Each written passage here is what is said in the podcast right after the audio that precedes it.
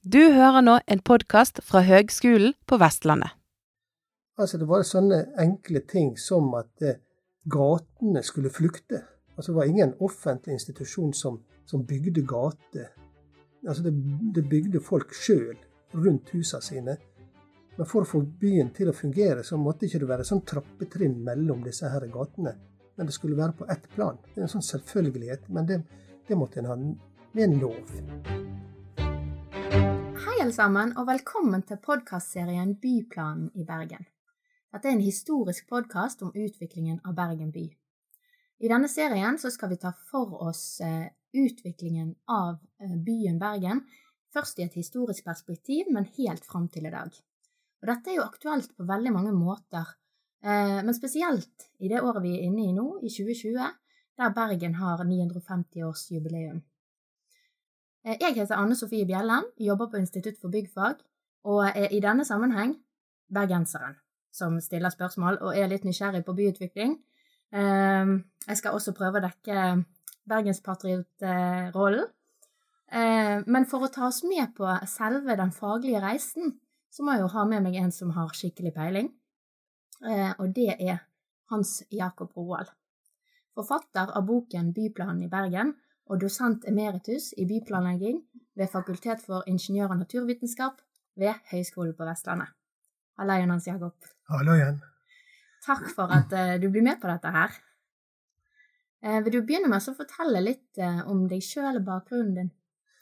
Ja, jeg er jo, jeg er jo da, som, som, du sa, ikke bergenser. Men jeg er bygd.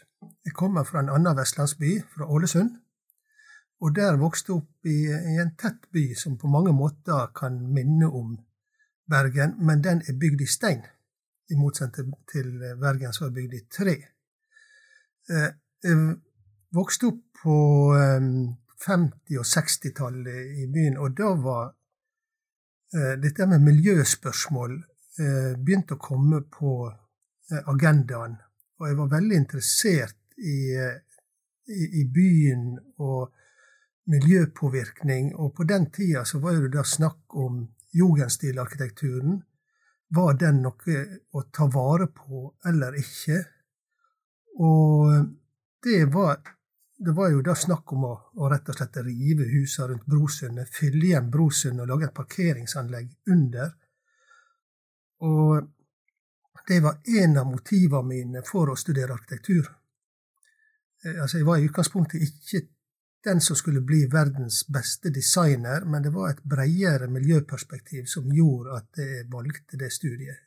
Og da ble, da ble det NTH i Trondheim. Ja, så spennende. Men jeg syns jo det er litt rart da, at, eh, at jeg håper å si, en bygutt fra Ålesund ender opp med å skrive boken om Bergens byutvikling. Har du konvertert? Nei, jeg har ikke konvertert. På den måten at det er Eh, jeg føler meg veldig bekvem med å være egentlig vestlending. Og det som jeg er eh, veldig opptatt av, det er på en måte både at en by skal være sunn, den skal være funksjonell, og den skal være vakker. Og apropos vakker, så når jeg studerte i, i Trondheim, så var jeg med å lage, få til ei utstilling i Ålesund Eh, det var tidligere byplansjef eh, Høydal der nå som fikk eh, laga ei utstilling som heter 'Holland bevarer sin fortid'. Og da fikk jeg låne en akvarell fra museet Kunstforeninga i Trondheim. Så jeg tok med meg egenhendig på Hurtigruta til Ålesund og fikk han stilt ut der. Og det var en nydelig akvarell malt en vinterdag nede ved Brosundet. Og tenke seg til, Den som malte det, var jo da en, en, en, en kollega av meg som da var arkitekt under, under eh, oppbygging, gjenoppbygging av eh, Ålesund etter brannen i 1904. Og han heter Stabel. Å tenke seg til å sitte ute en vinterdag og fryse på fingrene for å lage en vakker bilde av en by. Og Det kan vi kalle for at det er pittoresk, altså verdt å male. Og den, eh, den, akvarellen bruker jeg ofte i forelesningene mine nå. Tenk om vi det vi lager og bygger i dag, har en sånn kvalitet at noen vil sette seg ned en vinterdag og fryse på fingrene og male dem. Jeg tror ikke vi er der, og jeg skulle ønske vi kommer dit. Mm. Ja, det er jo et vanvittig godt eh, kvalitetsstempel, eller kvalitetsbevis. Ja. Um, men du har jo òg Nå har du jo i den siste tiden så har jo du vært eh, hos oss på Høgskolen på Vestlandet og undervist i, i byplanlegging, blant annet. Men du har jo en lang eh, karriere bak deg. Eh, vil du si litt kort hva du har vært innom, sånn at vi vet litt om det? Ja, jeg begynte jo som de fleste da, arkitekter. Du begynner med å tegne hus. Så jeg jobba ti år i arkitektgruppa Kubus, hvor jeg begynte med å tegne hus, men så ble jeg dratt inn i den ene planoppgaven etter den andre. Og etter å ha jobba der i ti år, så ble jeg da spurt om jeg ville begynne å jobbe i Bergen kommune. Og da kom jeg rett inn i den epoken som var byfornyelsen på 1970- og 80-tallet. Og det var kjempespennende. Og etter det igjen så ble jeg da spurt om jeg ville jobbe for eh, UNESCO da, i spenningsfeltet mellom byutvikling og bevaring. For jeg var var en stund var jeg formann i Fortidsminneforeninga i, i, Bergen. Og etter det igjen ble jeg spurt om jeg kunne jobbe for Oslo kommune med det samme temaet. Lage en plan for, by, for eh, byutvikling og bevaring der. Og så havna jeg i Fjell kommune noen år for å lage en, en ny by der ute. Og så tilbake igjen til, til Bergen noen år. Og så havna jeg da skrev jeg da på denne her boka i, i, eh, med byplan, da. Og da har jeg bruka all den erfaringa som jeg da har opparbeida meg til å gi til eh, kommende generasjoner. Eh, eh, både med planlegging og arkitektur, og det syns jeg er veldig givende. Vi kan få en liten innsmett på ideen på å skrive denne boka den kom rett og slett på et seminar jeg var invitert i innlegg til i St. Petersburg i regi av Verdensbanken. Og Da skulle jeg fortelle om den norske plan- og bygningsloven eh, for Sovjet, innenfor sovjetsamfunnet når de skulle gå over fra ett type styringssystem til et annet. Men så hadde jeg med meg et sånt reserveinnlegg som handla om eh, snuoperasjon Bergen sentrum på 1980- og 90-tallet. Og det syns jeg var mye mer interessant. At en liten by kunne mobilisere sånn kraft og kvalitet eh, måte, og gjøre eh, forfall om til, til vekst innenfor kvalitative, gode rammer, og også kombinere det med bevaring. Det syns jeg var mye mer interessant å høre om eh, i St. Petersburg enn på en måte opplesning av lovtekster. Ja. Og da sa de, sa de 'dette må du skrive om', og så har jeg gjort det. Det har du, og det skal vi snakke om nå. Og da er vi inne på, på byen Bergen. Eh, jeg vil begynne med å stille spørsmålet liksom, altså, hvorfor er Bergen her? Hvorfor ligger Bergen her han gjør? Nei, det er jo først og fremst havna, da. Og det, det var jo havna som skapte byen eh, var det, det var varer på vei inn, og det var varer på vei ut. Og havna ligger jo ved en våg. Eh, og det var jo da en, eh, en plass hvor du da kom med varene dine, og fikk dem lossa på land, og så ble de sendt ut i verden. Altså, så Bergen var en, en, en plass med en hvor du da fikk varer inn nasjonalt langs kysten, og så eksporterte du de varene. Og det var fisk. Mm. Og mens selve landskapet rundt Bergen var veldig goldt, så det var ikke grobunn for å eh, brødfø seg sjøl med, med, bakgrunn i de eh, gårdene altså, som lå rundt omkring. Altså En var avhengig av import av korn. Og denne vekselvirkninga der med eksport av fisk og import av korn, det er på en måte nøkkelen til å forstå hvorfor Bergen oppsto. Ja. Men så vi må jo vi må touche litt bort på dette her med dette jubileumet. For dette jubileumet det, det baserer seg jo på at det er nå 950 år siden vi grunnla byen, eller ikke vi, men Olav Kyrre. Mm. Eh, gjorde han det? Kom han her og grunnla byen, og, og hadde han en liksom, plan for byen Bergen? Ja, det står ei setning i Snorre sine kongssager da, at Olav Kyrre fikk anlagt en by her i det og det året. Eh, men han kom ikke sånn som vi, det vi forbinder med en som på en måte anlegger byer. Det er, det er jo den danske kongen Kristian Kvarter, Kristian den fjerde, da mange hundre år etterpå. Han hadde makt og myndighet til å si at her skal byen ligge, og få lage en byplan, og så blei det sånn. Sånn var det ikke med Olav Kyrre. Eh, vi har sparsommelig med skriftlige kilder på det, men vi har en del arkeologiske utgravinger fra en, en tidlig by. Og det de arkeologiske eh, utgravningene viser da, det er jo det at den strukturen en hadde veldig tidlig, det var da utparsellering av tomter. Og bredden på disse tomtene er ganske identiske. Det er, det er det samme bredde bortover langs Vågen. Og det betyr at noen måtte ha det administrative ansvaret for å bestemme at det skal være like breie, og dele ut tomter. Så det er det nærmeste vi kommer til å si at ok, her var det et system, en struktur, og noen bestemte den strukturen. Mm. Og med stor eh, sannsynlighet så var det autoritetene ute på Holmen. Og det har jeg glemt å si. At byen var delt i to. Altså den første byen den, Ute på Holmen, der var det kongen var. Og der bygde en kirke. Og så hadde du den sivile byen innafor. Er Holmen der som vi i dag ser Håkonshallen? Ja, stemmer. Ja. Var det en holme? Det var en holme. Oi, så man. man. Og da brukte en båt for å komme dit. Ja. Og dette er også noen kjenner, f.eks. fra USA. Så har du Capitol Hill. Ja. Der ligger en på, en på en måte på en høyde. Der ligger hovedstaden, og så har du den sivile byen ved siden av.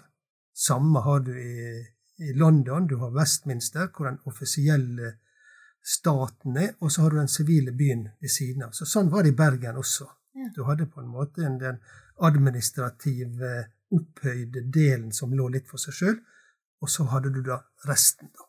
Handelsbyen. Og så hadde vi jo på denne tiden, altså etter at vi på en måte begynte å eksistere, så var jo vi eh, kongesete. Vi hadde kongesete her i byen, sant?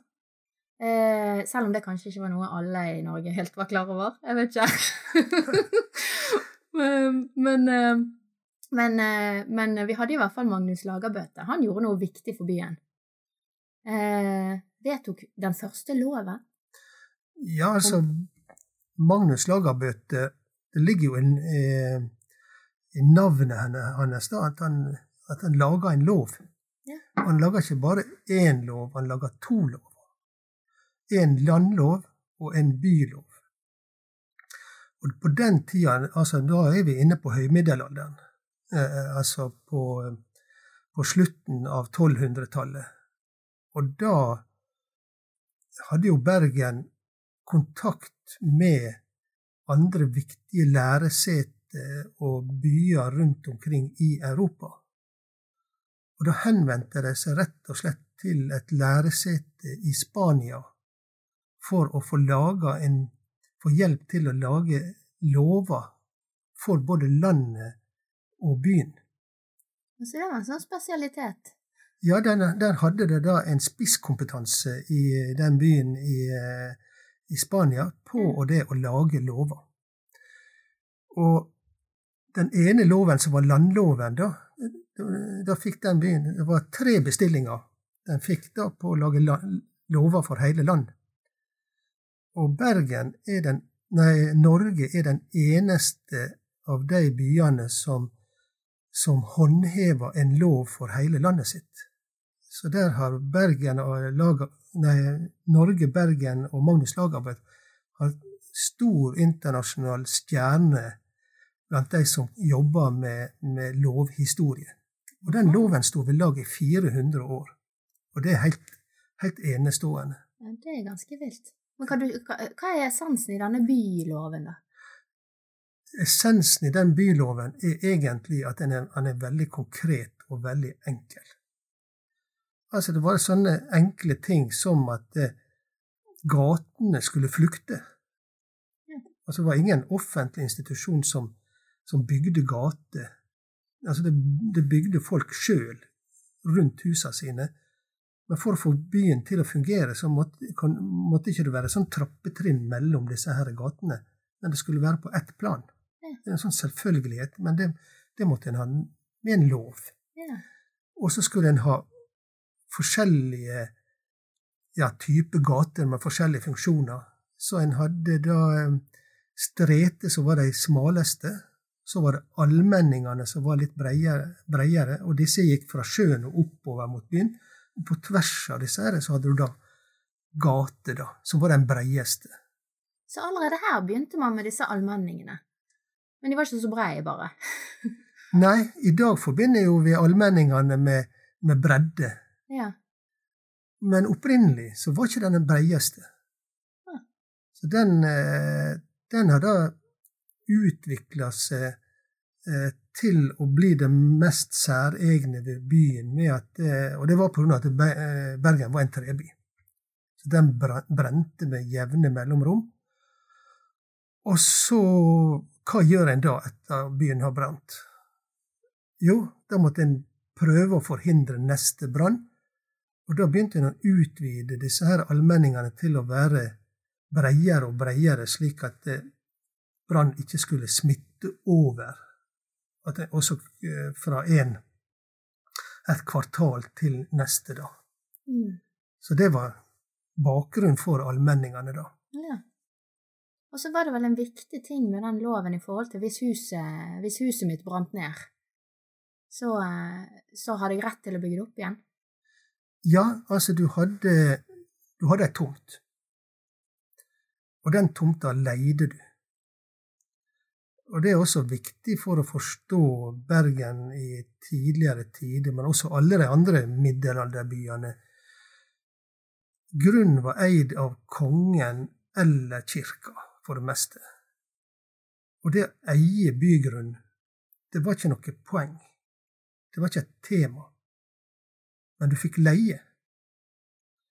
Og i Bergen så hadde du da sånne bryggegårder, som vi kaller det, og det var sånne rader av små varehus. Eh, eller boder. Og da, du da kunne du da ha en leierett til den. Og det var et eget system med sånne leieretter.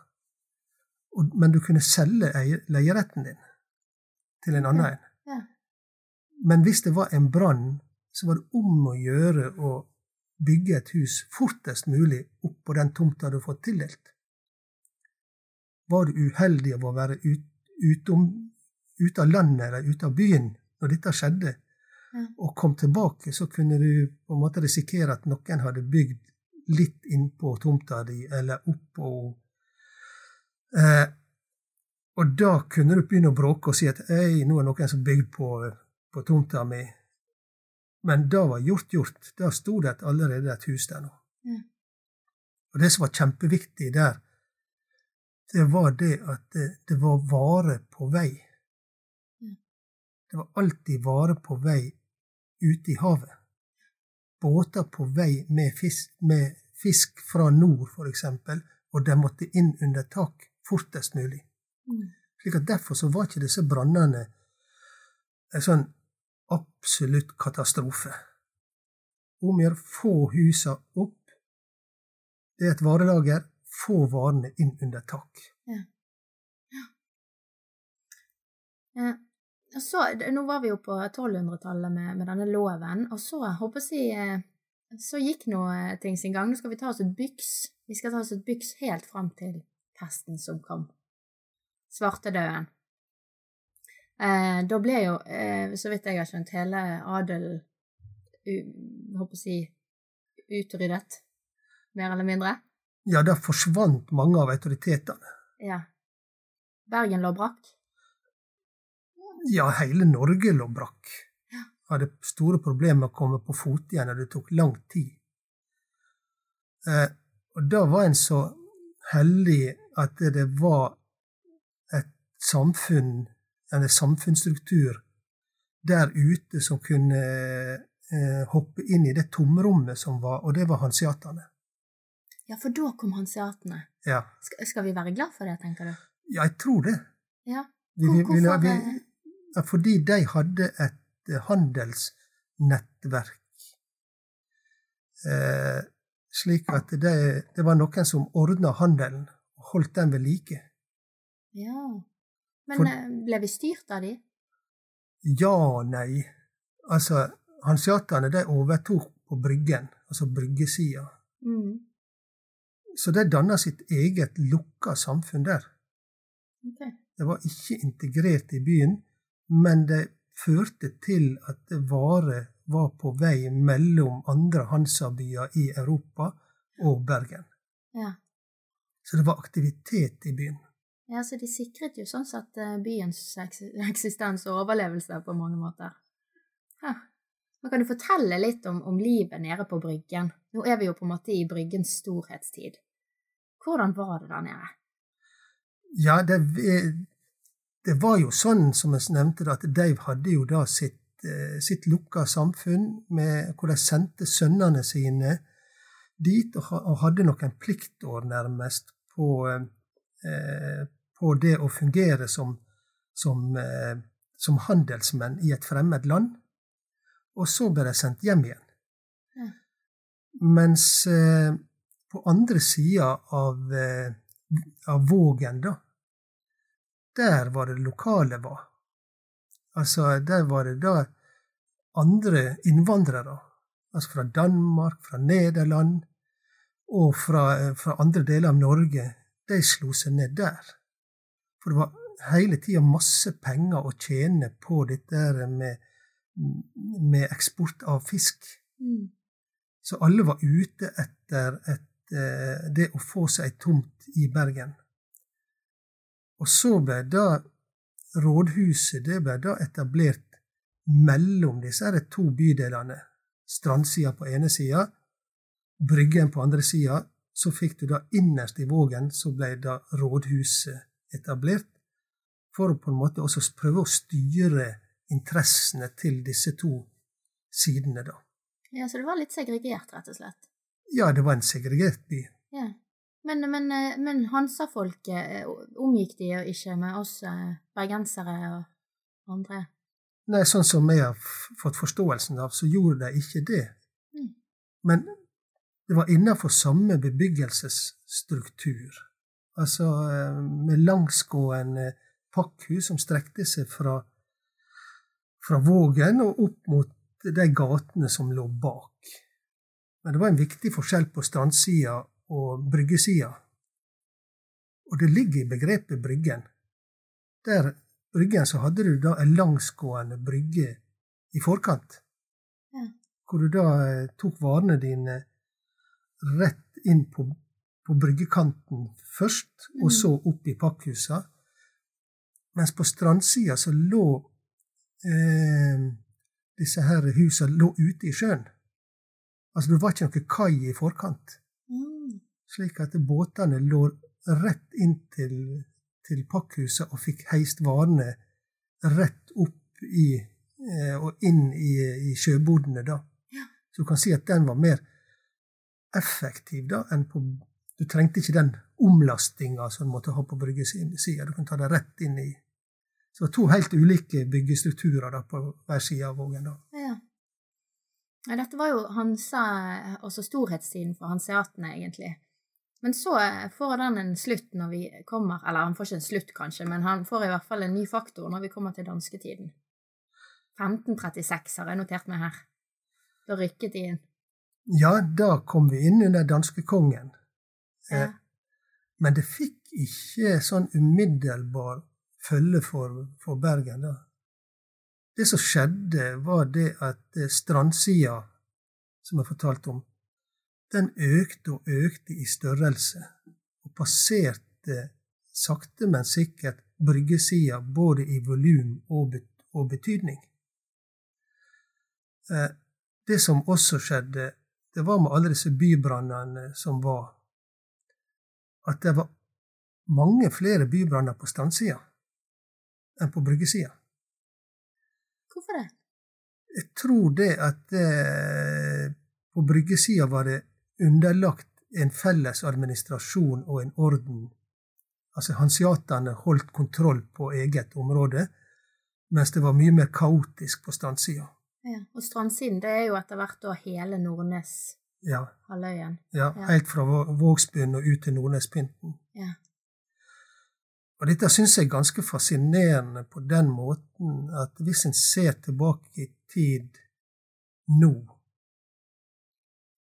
så gir høy aktivitet et sted mange branner, stor forandring, og lavere aktivitet gir mindre brann, færre branner og, og mer bevaring.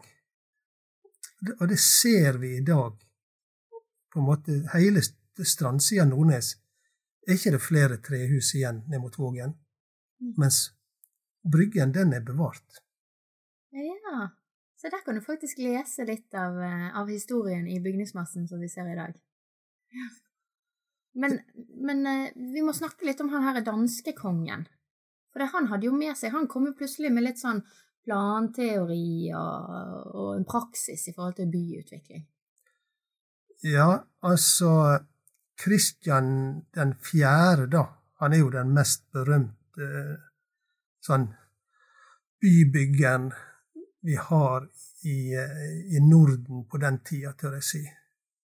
Og han brukte byplanlegging og byutvikling som en bevisst del til å bygge opp det dansk-norske riket.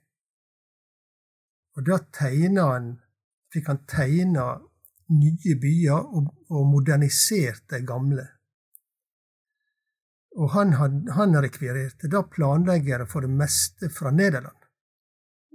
Og de kom med moderne planer, og moderne planer på den tida, det var i renessansens ånd.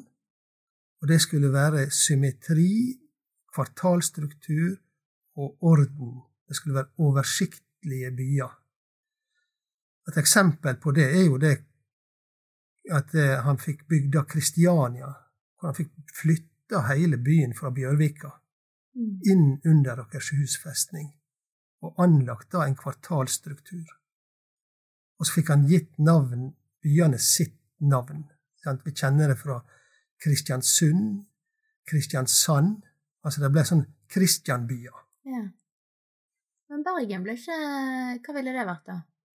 Christian Berg. Ja, kanskje det. det. det. skjedde ikke. Det hadde vært en veldig godt, god sjokolade, ikke sant? Ja.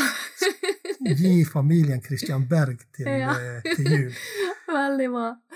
Men, eh, men, eh, ja, han gjorde jo ikke dette med dette rutenettet. og liksom, Han hadde jo mange sjanser, sikkert, for det brant jo støtt og stadig i byen. Men han kom ikke med noe svært rutenett som han la ut i, i Bergen. Ja, det er ei gåte. Hvorfor gjorde han det?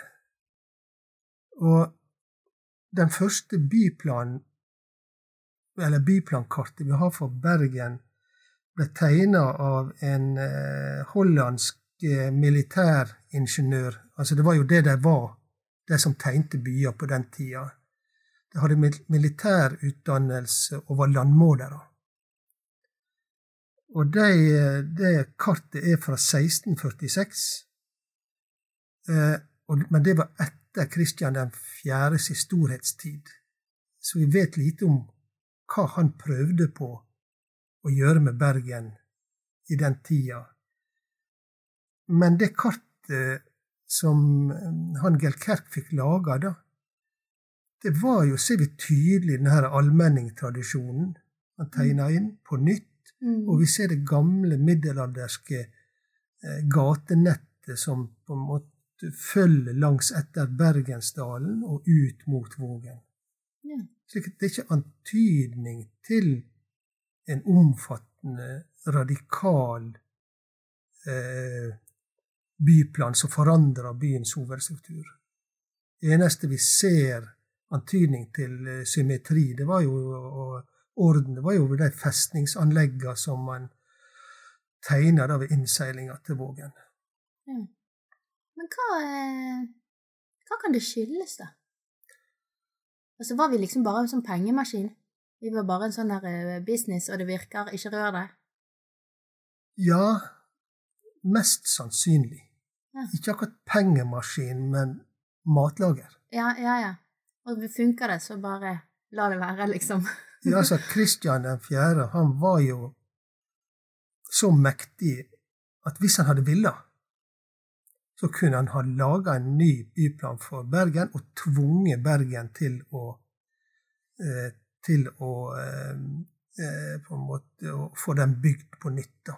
Mm. Men skulle han på en måte hindre brann på en effektiv måte, så måtte han også ha forlangt at byen skulle bygges opp i, i stein, da, eller mur, i brannholdig materiale. Mm. Og det ville være forferdelig kostbart. Ja.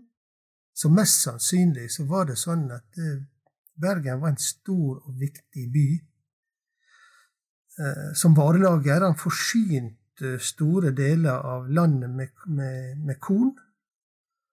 Og kongen var tjent med på en måte å gi opprettholde handelsprivilegiet for Bergen. På den måten at eh, de som skulle selge varene sine måtte, utenlands, måtte innom Bergen. Og hadde han kontroll på Bergen, så hadde han kontroll på kysten. Ja. For alle måtte innom her. Ja. Ja, for der, der gjorde du altså det, det der handelsprivilegiet er jo viktig å merke seg, for det må jo ha vært avgjørende egentlig for, at, for Bergens vekst. Altså vi var Hva var det du sa? Alt er nødt Alt måtte innom Bergen Ja, før det kunne selges ut av landet. ja. Så hele kysten måtte innom Bergen, egentlig, da. Ja skulle, og da kom også alt, all importen, og ikke bare, ikke bare korn. Sant? Det kom jo klær og pynt og parfyme og you name it. Ja, ja, ja. Alsken som en sånn eh, moderne by eh, trenger. Ja. Og nye ideer og tanker kom der. Og da dro også eh, folk fra eh, andre deler av kysten for å komme til Bergen for å høre nytt fra den store verden og kjøpe siste mote. Mm. Folk var for, like forfengelige da som nå. Var de det? Elledusen.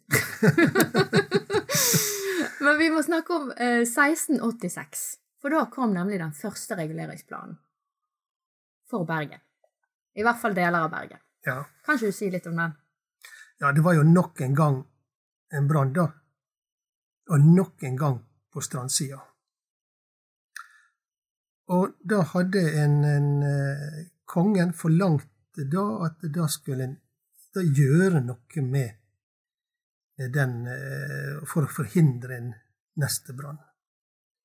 Og tradisjonen tro så fikk en da anlagt en ny allmenning.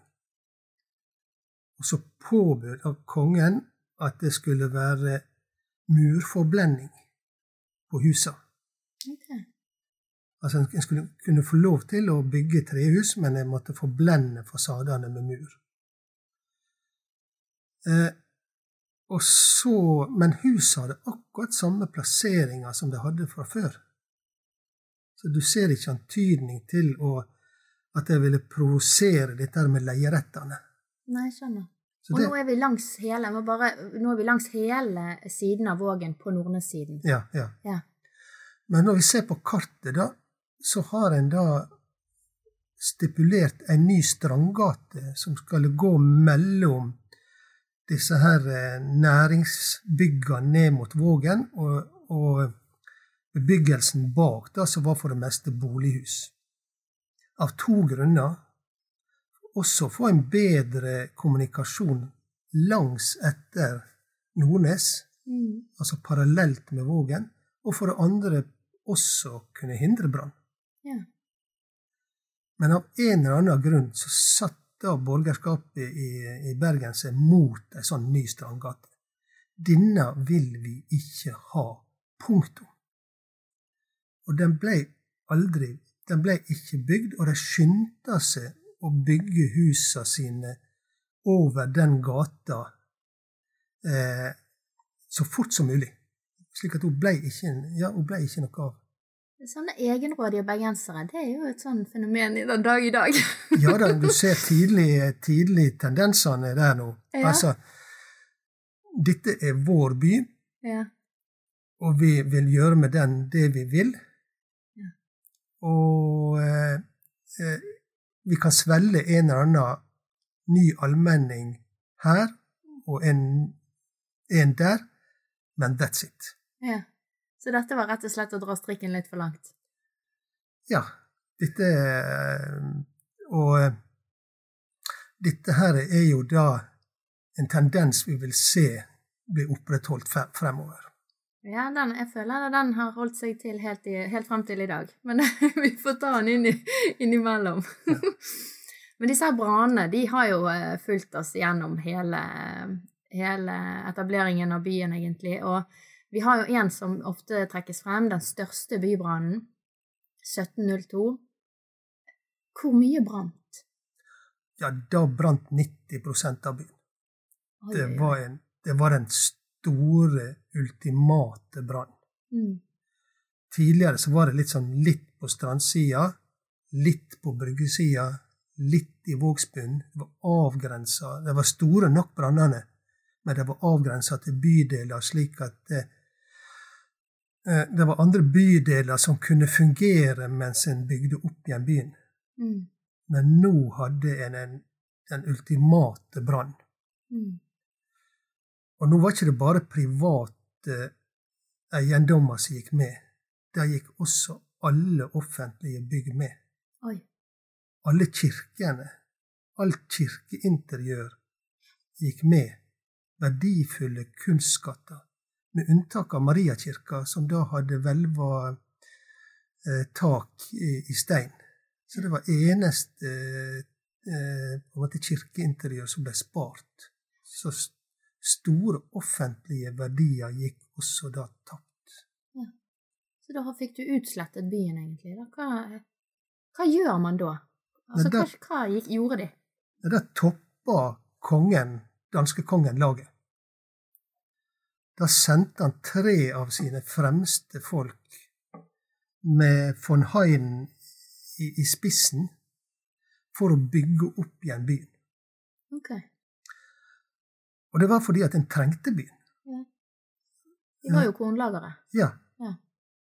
Og, for, og det var også da en treng, trengte noen som på en måte hadde en eh, et funksjonelt hovedpunkt tyngde for hele Vestlandet. En styrte Vestlandet gjennom Bergen. Ja. Men da kunne en spørre seg om ikke at nå var tida moden, eller overmoden, for en moderne byplan. En skulle jo tro det. Skulle tro det, ja. Ja. Men nei. Nei, de kjørte på. De kjørte på etter samme lest. ja. Men noen justeringer må de vel ha gjort? Ja, en veldig stor og viktig en. Nå fikk en da anlagt den virkelig største og viktigste allmenningen som er der fremdeles i dag. Og det er da Torgallmenningen, som går helt fra oppe fra foten av Fløyen, Mm. ned gjennom byen, det vi i dag har som torget, Mm. og over på um, Nygårdshøyden. Ja. Den store, breie allmenningen eh, som går på tvers av hele byen. Ja. Og på den måten så knytter en disse to sidene sammen, altså med strandsida og, og bryggesida sammen på en veldig effektiv måte. Mm. Så det ble både en sånn det største samlende offentlige rommet, men også da eh, funksjon som, eh, som en veldig brei eh, En brei eh, Jeg branngate. Mm.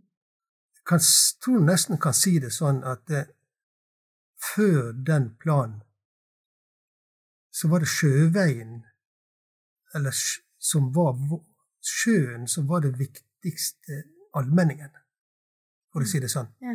Det var der folk dro til kirke forskjellige byens kirke med båt.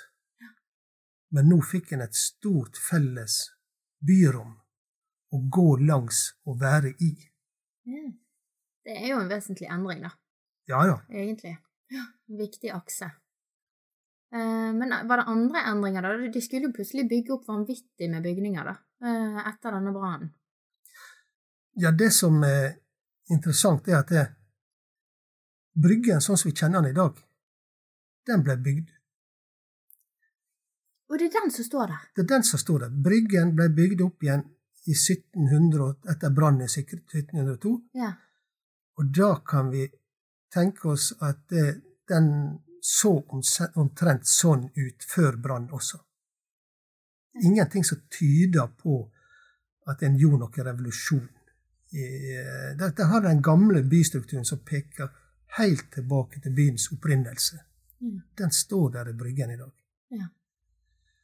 Men hvis vi da går inn i Vågsbunnen, så finner vi et hus, et praktfullt murhus, med gavl og med fløye nesten som et lite slott og symmetri. Og det var da tegna av en av de som kongen, en arkitekt Ernst, som kongen hadde sendt opp til Bergen for å bygge opp igjen byen. Mm. Og da får du på en måte klassisk arkitektur og symmetri for første gang i byen. Mm. Før det så var det trehus eh, rundt omkring, og så har du kirke som var, var sånn praktbygg da, eh, i monumental eh, arkitektur. Men nå begynte du å få også bolighus. For Stiftsgården var et bolighus. Å ja, så nå eh, satt de liksom ny mote, da? Eller? Ja, nå kom eh, europeisk mote inn i arkitekturen i, i, i Bergen. Ja. Det er litt artig å tenke på at eh, europeiske byer hadde jo hatt denne byggeskikken lenge, og en hadde byplaner i renessansestil med orden eh, og struktur og symmetri, med klassisk ideal, men først nå kommer den til Bergen. Litt etter. Ja, lå litt etter, men da var det da overklassen Ja. som begynte å bygge sånne hus. Praktfulle hus midt i byen. Og så kom vanlige folk etter.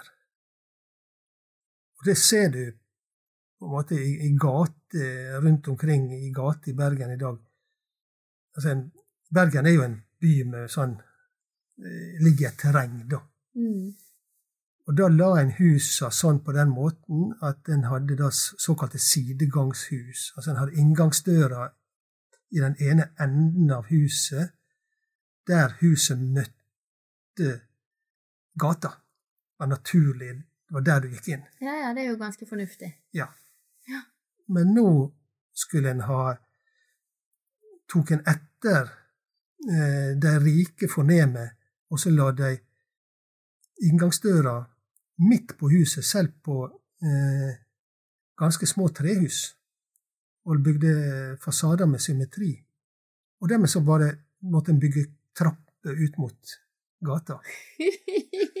du, det forklarer jo hvorfor vi har litt sånn dårlig tilgjengelighet og en del mangel universell utforming i byen. Ja, det stemmer. Det, det, er, mo, det er mote og forfengelighet. Ja. Og sikkert litt upraktisk med tanke på planløsning òg. Å ja. Komme inn midt på veien, liksom. Ja, for før kunne du gå inn gjennom huset fra sida, Ja. men nå skulle du gå inn gjennom huset midt på Ja. og ut på bakgården. oh, ja, ja. Hva gjør man ikke for, eh, for, for fiffen, holdt på å si. um, men så da, har vi cirka Vi snakker kanskje 50 år med gjenoppbygging etter denne store brannen. Og så får vi, etter, etter en ny brann, mye mindre, men i 1956 så har vi en ny brann, og da får Bergen sin første byarkitekt. Ja, det gjør en. Og han heter Reichborn. Og da var det krav om at det, det var de offentlige bygningene skulle tegnes av kvalifisert, eh, en kvalifisert arkitekt. Og han tegna praktfulle hus. altså Tollboden ute på Nordnes og Nykirka, som var det suverent største kirka en hadde da, på den tid. Eh, og han underviste da i arkitektur og matematikk. Mm. På den tida så Selv om han var en form for byarkitekt, så hadde ikke han fast lønn som det. Altså, han fikk oppdrag eh, Han fikk lønn oppdrag for oppdrag, Mm. men det var han som skulle tegne det. Ok, så han var liksom utnevnt. Han var utnevnt som nesten en sånn lokal hoffarkitekt. Ok. Ja. Men ved siden av det så han, eh, måtte han ta privatoppdrag. Og han drev med undervisning for å, for å holde liv i seg og sin familie. Da. Ja. Han hadde også fikk da, han var veldig ansett og populær. Ok. Han fikk annet i oppdrag å, eh, å illustrere jeg tror det var Hildebrand Meyers byhistorie. Som da ligger ett original Jeg tror det mest verdifulle dokumentet en har i byarkivet. Så da illustrert med håndtegna tegninger av byen av Reichborn. Han laga fantastiske dekorative planer og oppriss av byen som er da i den eh, boka. Og hvis jeg kan føye til altså De planene som en da laga på den tida, de er utrolig vakre. Og enkle og tydelige. Mm. Og jeg tenker på det når jeg ser dem, og de planene vi lager i dag, så er jo de uforståelige. Abstrakte med fargekoder og symbol. At det eh, Og da, vi, da er vi egentlig inne i det vi kan, kan kalle for barokken. Da. Ja. At i barokken så lager en mye tydeligere kart og vakrere kart enn det vi greier i dag.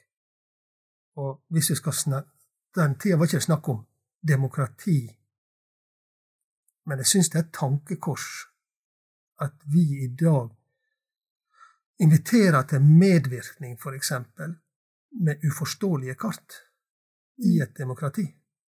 Ja, det kan du si. Det Ja, det syns jeg er et eh, tankekors. Du må jo faktisk lære deg å lese de kartene der, som vi lager i dag. Ja. Det er helt sant. Men hvis vi skal gå litt inn på han her som lager disse fine kartene. Han var jo populær, som du sa, men det jeg forsto det sånn at det, det fikk en brå slutt.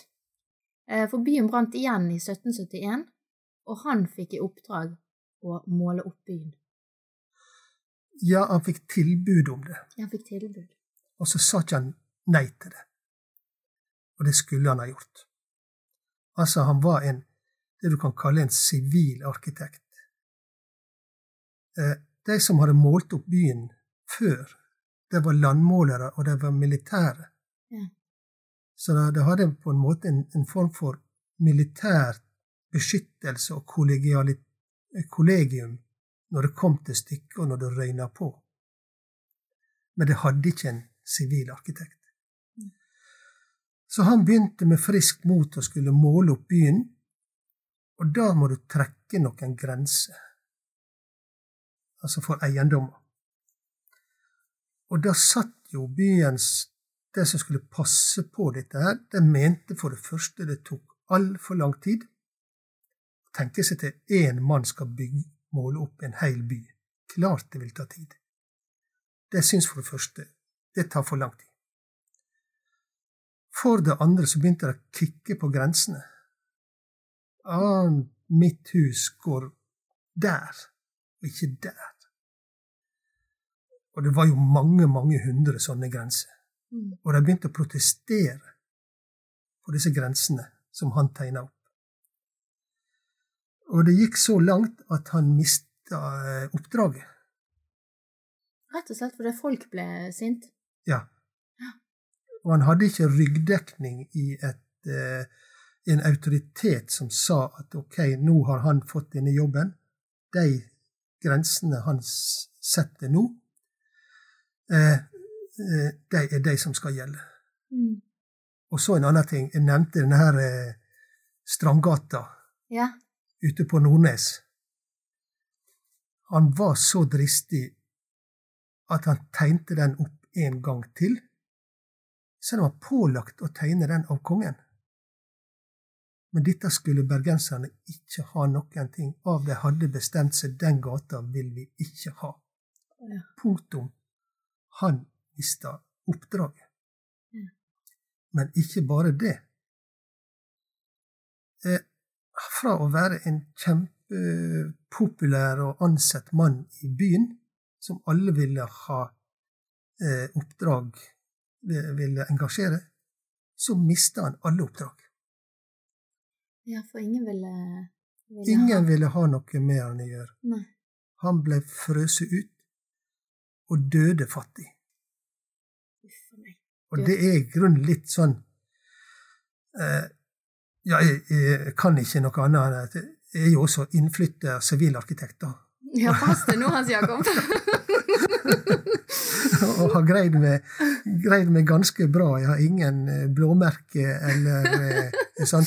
Men det er et tankekors, det er på en måte at eh, byen eh, kunne vende seg mot eh, in, altså ekstern kompetanse når, når den viste seg og ble invitert inn i byen. Ja.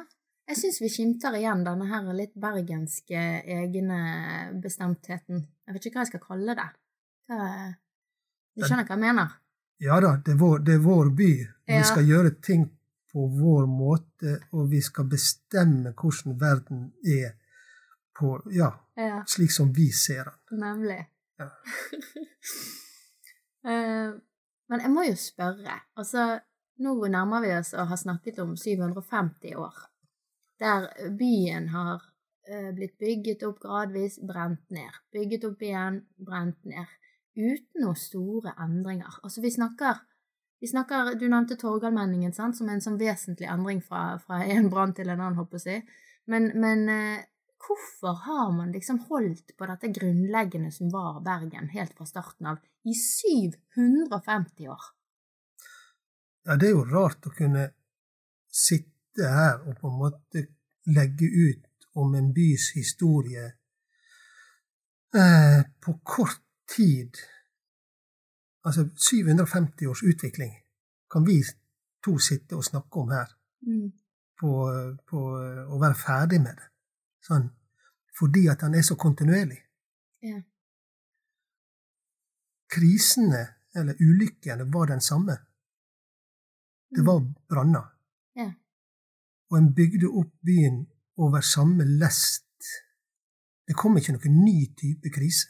Det var kontinuitet i krisene og kontinuitet i gjenoppbygginga.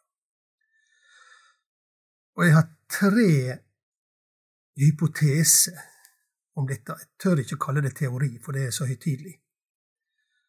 Og jeg er ikke faghistoriker. Og de får jo krangle om sitt for tida. Eh, Den ene hypotesen er jo da i forhold til eh, kongemakta. Mm. Kongemakta så seg tjent med Bergen som et eh, varelager, som jeg har nevnt. Mm. Den gjorde jobben sin. Og så lenge den leverte eh, varene sine, Mm. så så ikke kongen i eh, København noen grunn til å ta ryggtak med byen. At en bråkte litt om ei strandgate der og en allmenning der, fikk så være. Men eh, eh, det, det ble liksom sånn støy, da, som ikke var verdt å, å på en måte ta ryggtak med bergenserne av den grunn. Ja. Og det andre er kombinasjonen av lovverk og dette systemet med leierettigheter. Ja. Eh, Det at en hadde den loven som jeg nevnte, helt tilbake til Magnus Lagerbøte, som hadde lagt grunn for en byggetradisjon og en leietradisjon, den var veldig konserverende.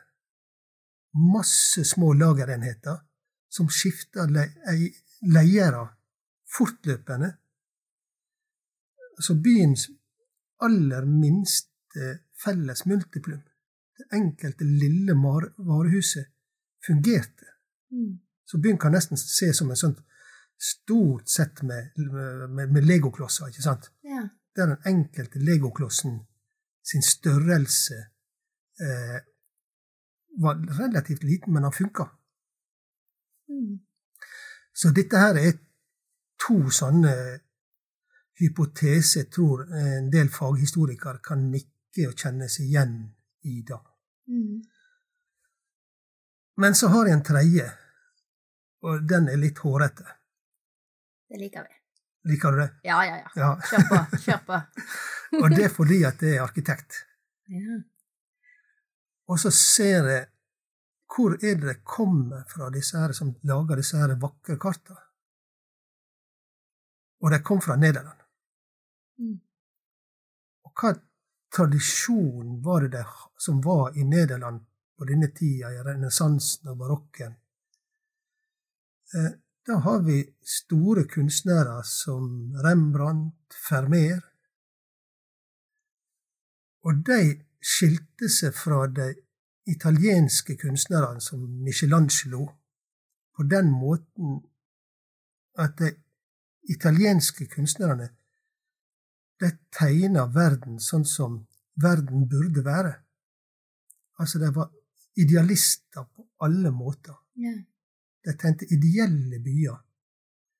Og det var de Christian Kvart gjorde, hadde som forbilde når han ville lage sine renessansebyer som han ville sette sitt stempel og merke på. ja, han danske kongen. Danskekongen, ja. Ja. Men når jeg kom til Bergen, så har jeg en forestilling om at disse, den, disse nederlandske tegnerne og oppmålerne så et vakkert landskap. For det var akkurat det de nederlandske malerne gjorde.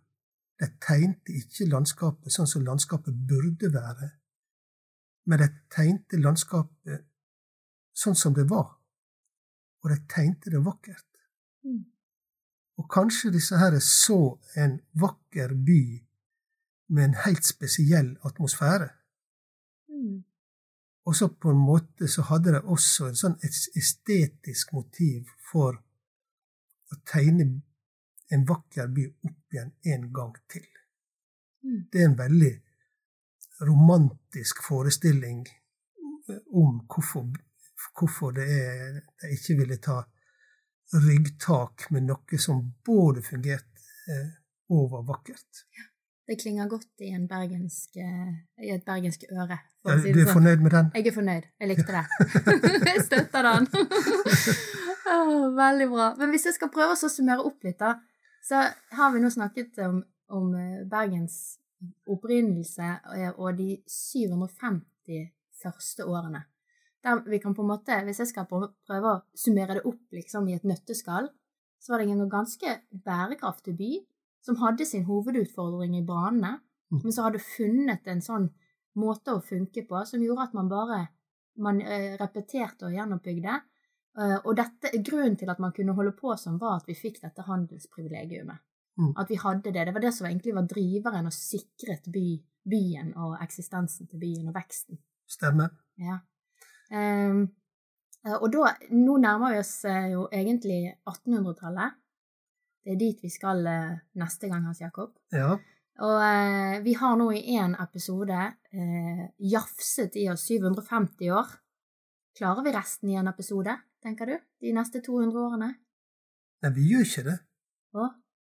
Altså, hvis jeg, selv hvis jeg hadde prøvd å fortelle byens byplanhistorie fra år 1800 til år 2000, altså 200 år i ett magedrag, Ja, sånn som vi har gjort nå med 750 år, ja.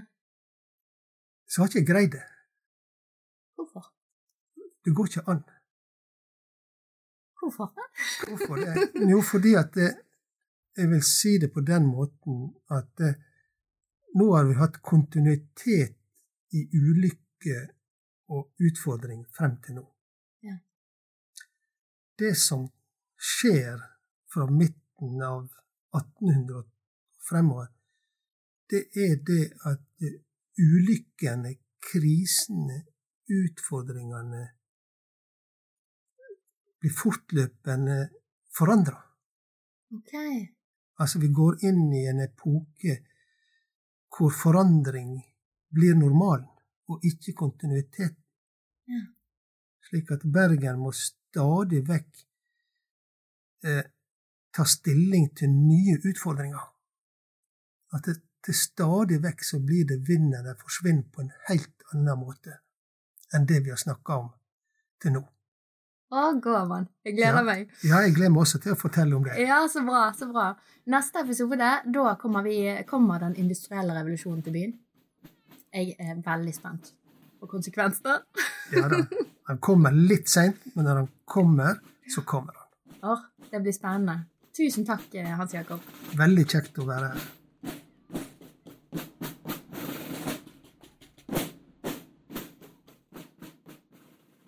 Du har nå hørt en podkast fra Høgskolen på Vestlandet. Du kan høre flere podkaster fra oss ved å gå inn på nettsiden hvl.no. slash podkast.